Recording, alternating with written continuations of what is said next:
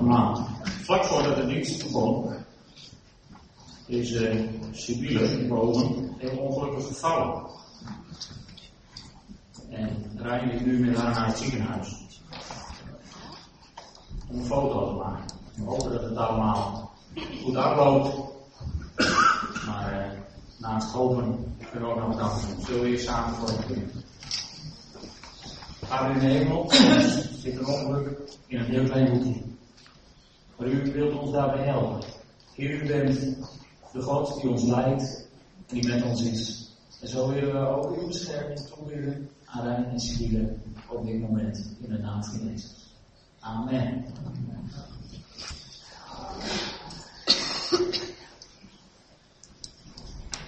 Zullen we een beetje dingen omhoog?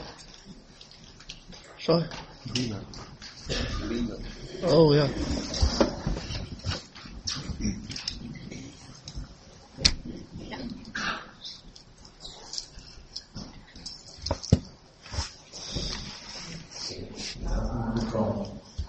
Zien op de wind. Ik wil uh, vandaag als uitgangstekst en wil gebruiken Marcus 14, vers 30.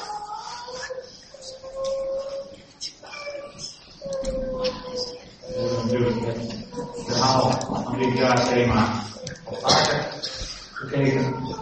Marcus 14 vers 30. We kennen het verhaal zo langzamerhand. De discipelen roeien tegen de storm in, althans doen hun uiterste best. En uh, dan zien we Jezus aankomen over de golven. En in de vorige maand hebben we stilgestaan bij het feit dat Petrus uit de boot stapte, op pad ging, Jezus tegemoet. En dan komt vers 30. Maar toen hij voelde.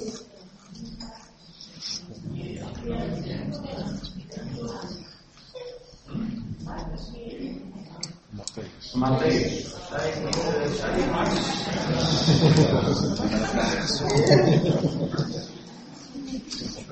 Ik ben met twee dingen tegelijk weten, dat is helemaal niet.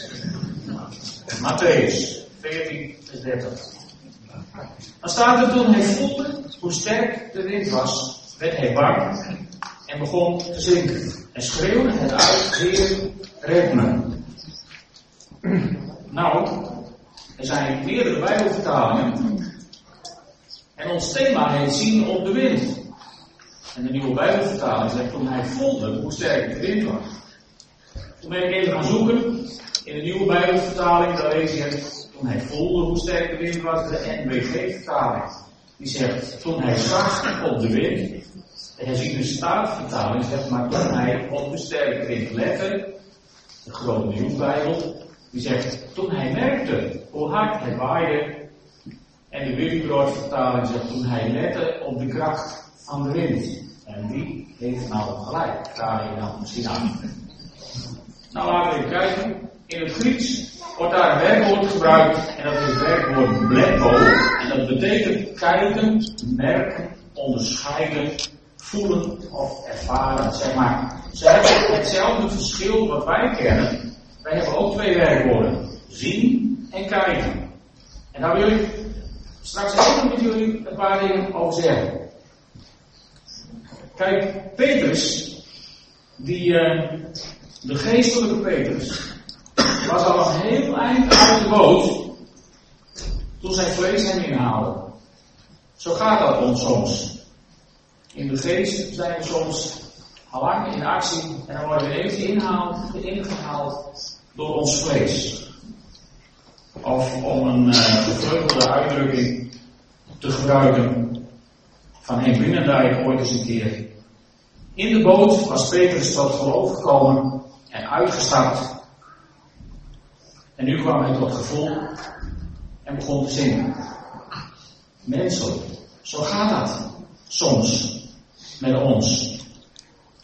En hoe gaat dat dan? Nou, Petrus zat in de boot en die zag de storm wel.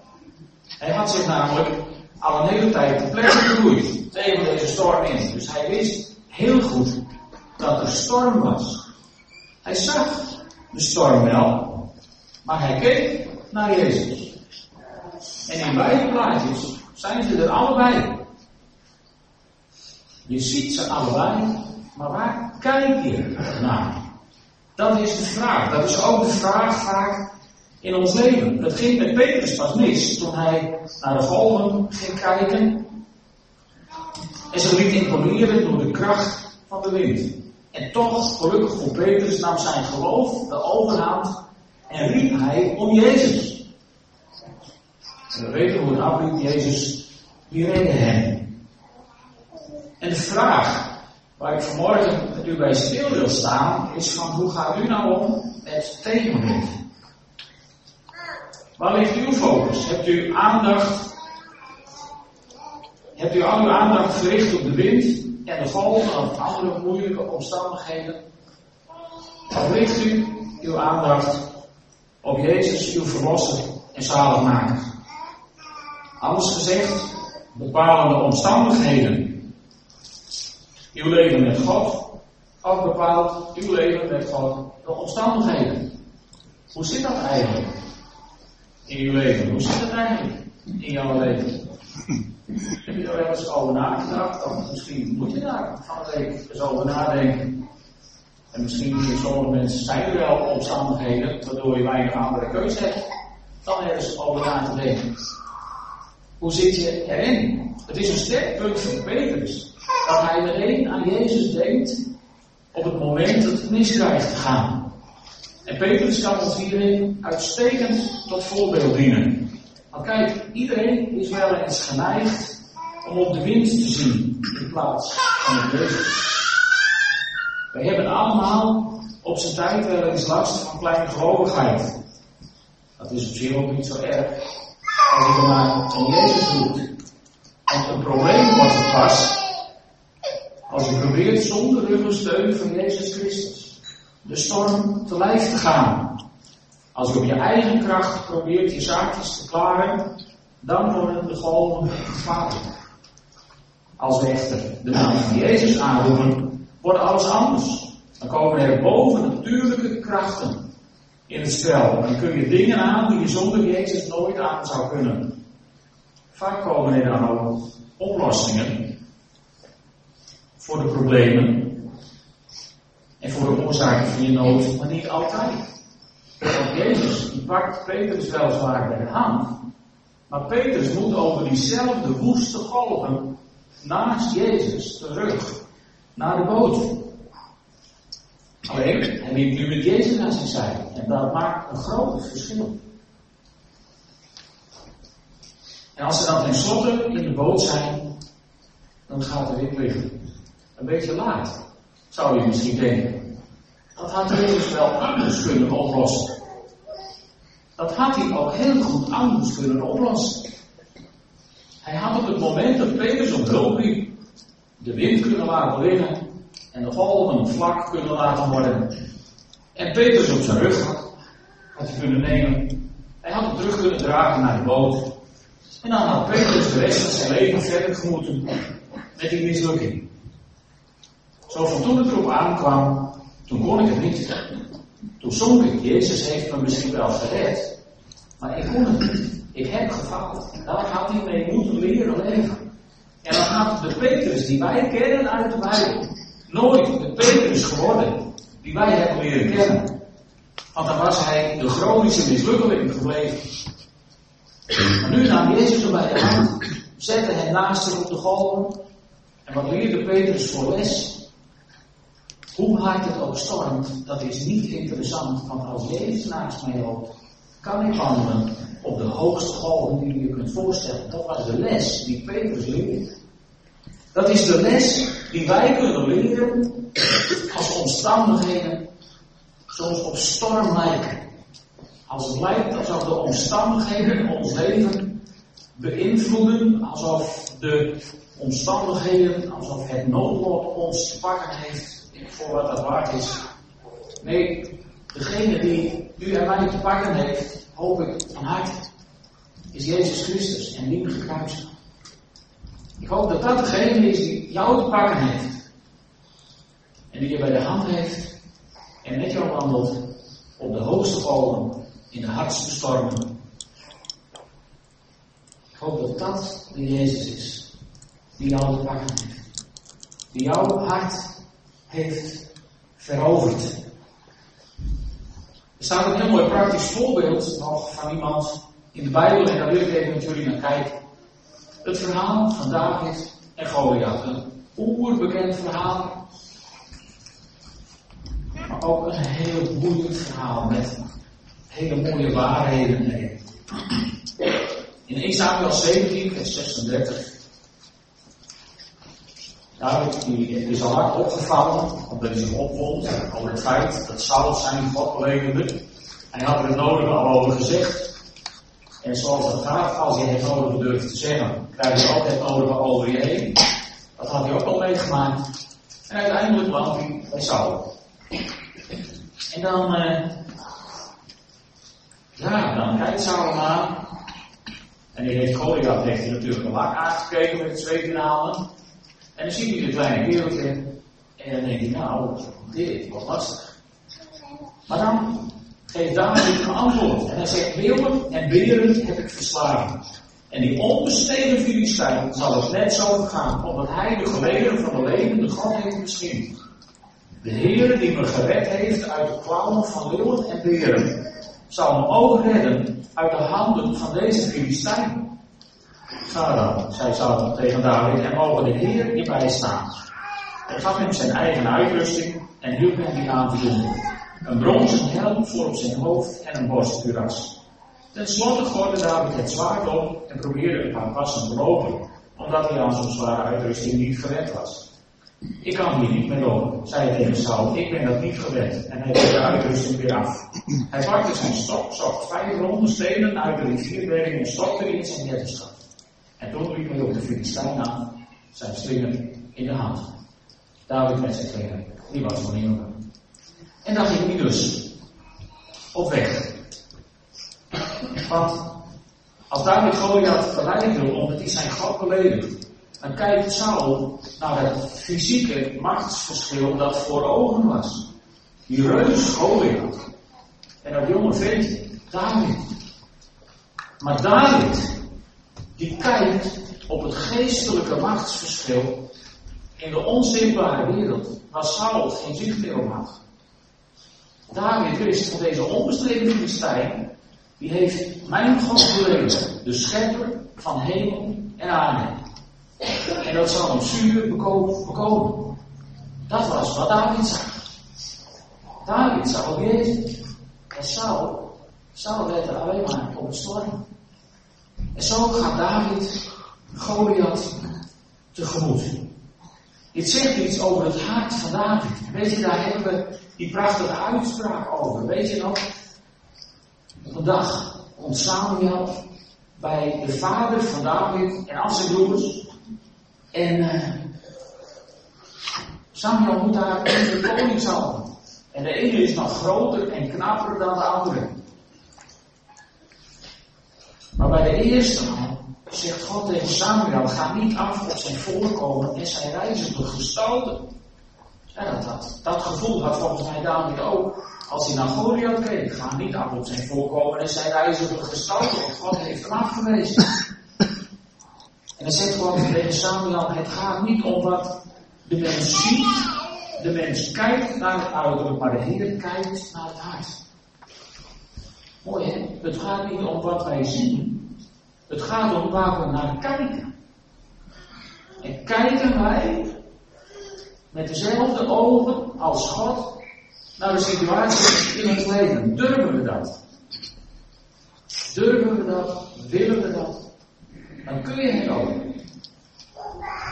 De mens ziet wat voor ogen is en de Heer kijkt naar het hart. En het hart van David, dat was ook te pakken genomen door Jezus Christus en die gekruisigd, alhoewel David hem nog niet kende als, als Messias, maar hij verwachtte hem wel. Zijn hart stond daar wijd voor open.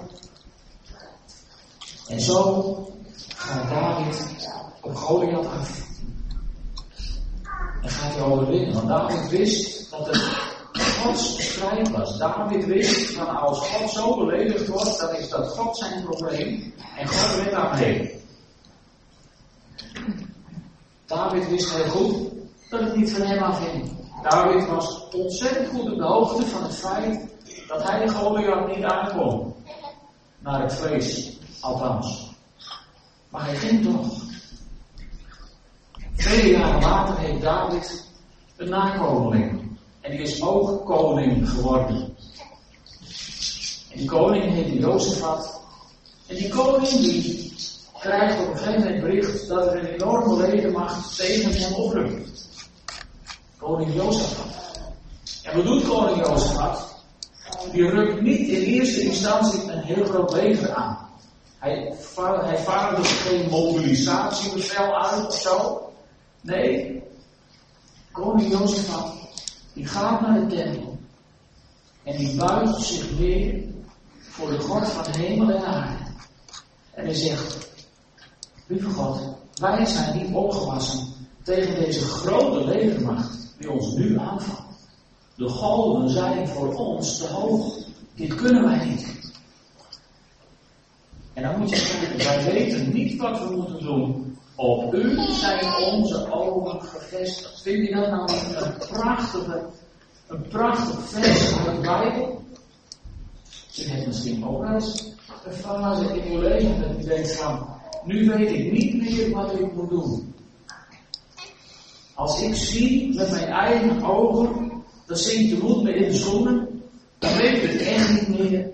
Dan ben ik hulpeloos, hopeloos, radeloos, redeloos, reddeloos verloren. Maar ik zie niet op de omstandigheden, heren, op u zijn mijn ogen gevestigd. Ik kijk alleen maar naar u. Hoe wil je het hebben in je leven? En dan krijgt Jozef van een geweldig antwoord van God. Want dan zegt God, jullie hoeven niet bang te zijn voor die grote legermacht die jullie bedreigt. Want dit is niet jullie strijd, maar die van God. Mooi hè? En zo gaan ze dan de strijd ook in. Waar, waar Saul tegen David zegt, nou, mogen de Heer hierbij staan, pakt hij vervolgens helemaal in, in zijn eigen hart. Zo van, nou ja, mocht de Heer het vergeten, of mocht de Heer niet redden, dan heb je altijd nog goede voorziening. En David gaat daar niet in mee, en Jozef gaat daar ook niet in mee. Jozef denkt ook niet van, nou laten we toch het sterkste leger maar voorop sturen, voor het geval God strijd niet aankan of zo. Nee, Jozef die doet in opdracht van God stuurt hij de koorleden voorop en de soldaten erachteraan.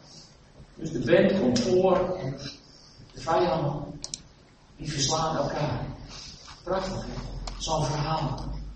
Hoe zit het in uw leven? Waar kijk je naar? Waar let je op? Want in deze gezindheid gaat ook David de strijd aan. David die ziet alleen maar Jezus. En Saul die kijkt naar de natuurlijke vijand en die, die wil dat, dat David vertrouwt op natuurlijke middelen. Alleen, dat kan deze hele jongen niet doen. Ook geestelijk kan David er niks mee. David is de man van de aanbidding. David is de man van de nieuwe liefde. Die, die God verheerlijken. En die zingen over de Messias die hij nog niet eens kende, maar die wel vurig verwacht. David was de aanbidder. En David was ook de man die wist van tot hier toe heeft de Heer mij geholpen. Leeuwen en beren heb ik verslagen. David was de man die het Eben Haezer kende, zoals wij dat ook kennen uit 1 Samuel 7 vers 12. Hij wist, God heeft me tot hier toe geholpen en ik zie geen enkele reden waarom God me niet verder zou helpen. Zo stond iedereen. En dan ging hij op weg naar zijn overwinning. Hoe staat u, hoe sta jij in het leven? Waar kijk je naar? Waar is jouw blik op gericht? Waar ligt je focus? Zie je op Jezus of zie je op de omstandigheden? Weet je, David was meer een man van de geestelijke wapenrusting. Die vinden we in Efezië 6, vers 10 tot 17. En vers 10 is een heel mooi vers, vers 10.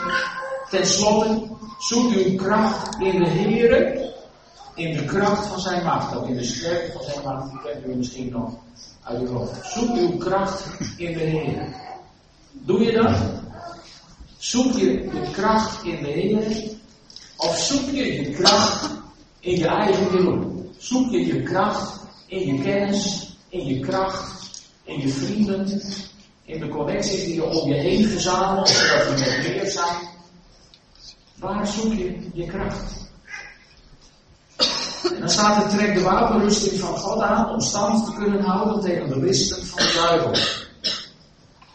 Dit zegt er iets over waar we, waar we onze vijand moeten zoeken. Jammer genoeg zien we op kerkelijk erf te veel dat we vijanden zoeken onder broeders en zusters, alsof die er zouden zijn. En de Bijbel is hier heel duidelijk. Dat je, dat je stand moet houden tegen de listen van de duivel. En onze strijd, staat er dan, is niet gericht tegen mensen, maar tegen de hemelse vorsten. De heersers en de machthebbers van de duisternis, tegen de kwade geesten in de hemelsferen. Zie je het vergelijking met het verhaal van koning Jozefat? Neem daarom de wapens van God op om weerstand te kunnen bieden op de dag van het kwaad, om goed voorbereid stand te kunnen houden. Houd stand met de waarheid als gordel om je heupen, de gerechtigheid als harnas om je borst, de inzet voor het evangelie als de vrede, van de vrede als sandalen aan uw voeten. En draag bovenal het geloof als schild waarmee u alle brandende pijlen van hem die het kwaad zelf is kunt doven. Draag de helm als verlossing en als zwaard de geest, dat wil zeggen, Gods woorden. Kijk, Gods woorden. Gods woorden, het zwaard van de geest. Hoe geoefend ben je eigenlijk in dat zwaard? Want misschien wil je, net als onze vriend hier op het plaatje, je strijder al tegemoet. Maar hoe geoefend ben je met je zwaard? En hoe bedreven ben je met je schild om de brandende pijlen van de vijand af te weren? En naar wie heb je dat schild gericht? Heb je dat schild gericht naar mensen om je heen? Of je dat schild gericht op degene die echt de brandende pijlen op je afschiet in je leven? Waar hebben wij dat schild? Hebben we dat niet te vaak tussen elkaar heen staan? In plaats van echt gericht op degene waar het gevaar werkelijk vandaan komt. Wat zien we toch vaak op mensen? En ik ga niet de hele geestelijke wapenrusting vandaan behandelen, dat is misschien voor een ander thema nog wel eens goed, maar bij die woorden, daar wil ik even met jullie blijven stilstaan. Er staat zo mooi in dat verhaal van David. Hij ging naar de beek en zocht zich vijf gladde stenen. Ja natuurlijk, en een slinger gooi je stenen, dus alles met de stenen. Dat is. Maar kijk nou eens even door een geestelijke bril met mij naar dit verhaal. Een beek, een rivier, een bron staat voor levend water. Stromend, levend water. En in die beek, in de stroom van levend water. En dit is voor mij de beek waar je je stenen hebt te zoeken. Daar zoekt David vijf gladde, ronde stenen. Met andere woorden, hij zoekt geen uit hun verband gerukte brokjes tekst waar je mee kunt schooien en waar je mee kunt slaan. Hij zoekt afgeronde, gladde stenen. Dat is wat hij zoekt. En ik zou je willen vragen, zoek jij wel eens in de week om stenen? Niet om mee te gooien, maar om de vijand mee te weerstaan?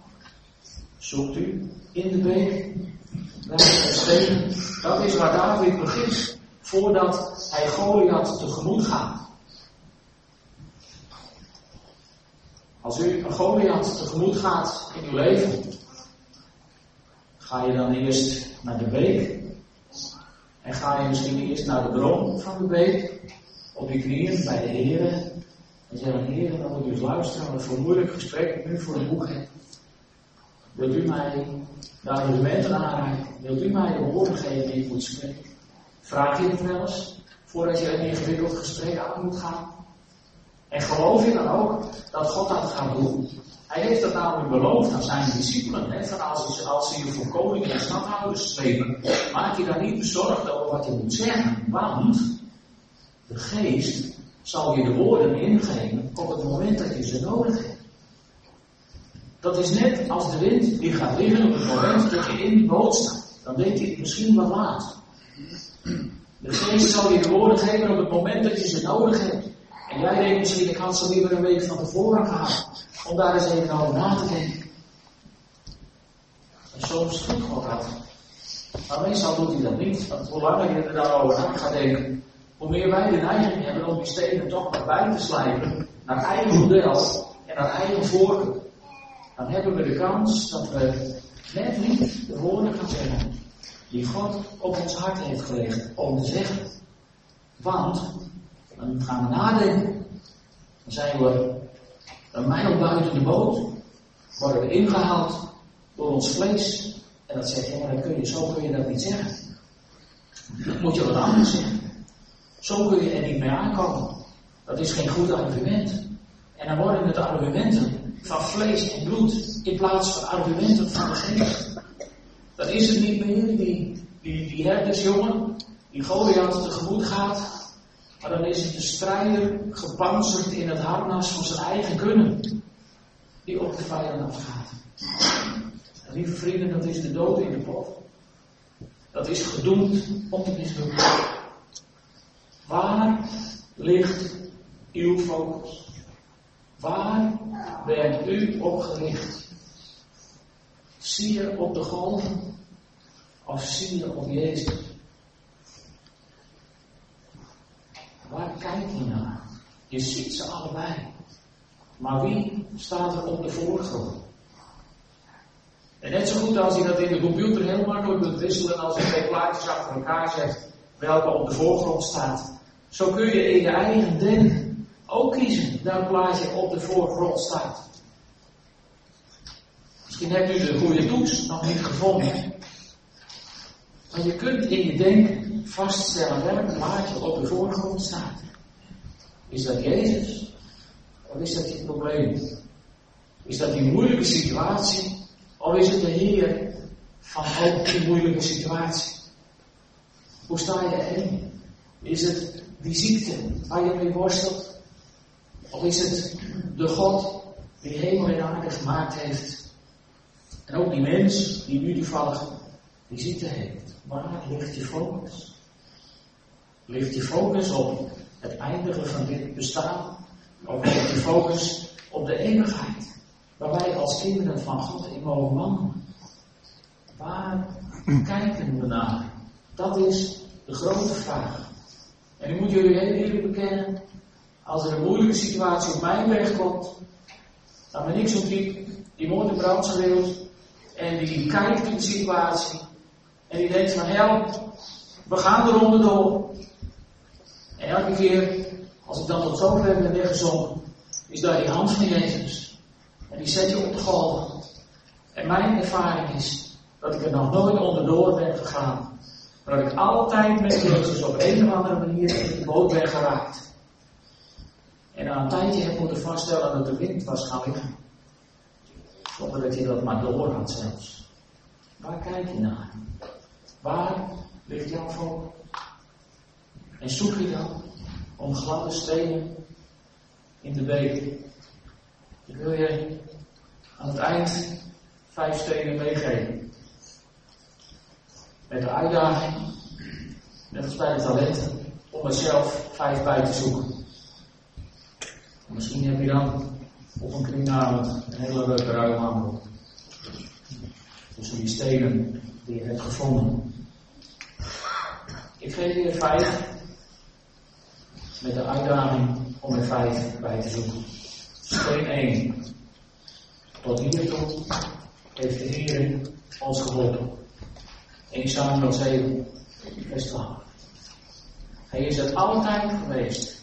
In elke situatie die je achter de. Als je achterom kijkt, dan kun je maar één ding toegeven. En dat is, hij was er altijd. Hij was er altijd. Tweede steen die je meegeef, is als het moeilijk wordt, dan is de strijd is niet aan ons, maar de strijd is aan God. 2 Kronieken 20. Een derde steen wil ik je meegeven. Misschien geen letterlijke Bijbeltekst, maar wel een conclusie uit het verhaal waar we dit hele seizoen mee bezig zijn. Met Jezus kan ik in de grootste storm wandelen op het water. Met Jezus kan ik in de grootste storm wandelen op het water. Matthäus 14, vers 30. Voordat ik het verkeerde overschrijf. Steen 4. Ik zoek mijn kracht in de Heer, in de sterkte van zijn macht. Naar Efeze 6, vers 10. En weet je, als je dit soort stenen, als je hierin je eigen naam durft in te vullen, voor het woordje ik, dan worden het hele persoonlijke stenen. Waar je van gaat houden. Dan worden het stenen die wonderen gaan doen in jouw leven. Ik zoek mijn kracht in de Heer, in de sterkte van zijn macht. Dat is de bron van mijn bestaan. Dat is de reden waarom ik hier sta. Dat is de reden waarom u hier zit. En de laatste die ik je meegeef, hij is bij mij alle dagen tot aan de voltooiing van deze wereld. Matthäus 24, vers 20. Vijf stenen geef ik mij. Schrijf ze op je hart. Prent ze in je denken.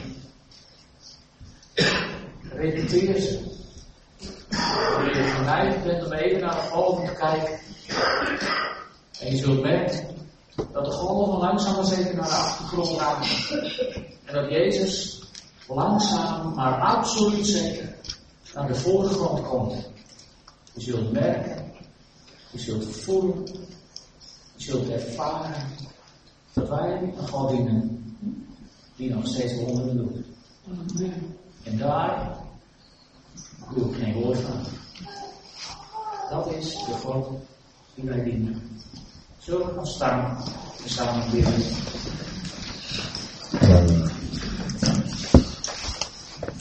Heer God, wat bent u ongelooflijk goed voor ons. Heer, eh, we zijn zo vaak geneigd om moord en brand te gillen. Heer, we zijn zo vaak geneigd om elkaar te lijf te gaan. We zijn zo vaak geneigd om het dan maar op eigen middelen te proberen. Maar heren, leer ons, leer ons om ons te laten leiden door uw Heilige. Leer ons om in de beekbedding neer te dalen en te zoeken op die kostbare gladde stenen waarmee we de vijand kunnen weerstaan. En leer ons ook, Heer, om, om het juiste besef te hebben van wie onze vijand is. Wie eigenlijk degene is die ons het leven zuur maakt. Heere God, leer ons om niet alleen te zien op wat voor ogen is, maar leer ons om te kijken met uw ogen. Heer, en als we dan de wind zien, dan zullen we boven de storm en boven de golven dat kruis van Golgotha zien verschijnen. En dan zullen we ons beseffen dat u onze verlosser bent, onze zaligmaker, onze redder, onze genezer, onze koning, onze vredevorst. Heere God, ik bid u om de komende week zo aan iedereen een rijke oogst van gladde stenen te schenken. Heer, zodat iedere tas vol mag zijn. Vol mag zijn van die geweldige bemoedigingen die u ons in uw woord hebt nagelaten. Ik wil u zo ook danken voor die geweldige bemoediging, Heer God, die u ons in brood en wijn hebt nagelaten. Dat u ons niet alleen maar met woorden het bos in hebt gestuurd, dat u ons op deze aarde laat wonen Met de Bijbel, uw woord, maar ook met die tekenen van het kruis.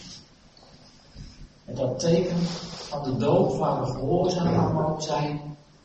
Met dat teken van brood en wijn waar we onze kracht uit mogen putten en waar we ons in vergeven mogen weten. Omdat de beker van uw verbond is vergoten tot volkomen vergeving van al onze zonden. Heere God, ik prijs uw naam.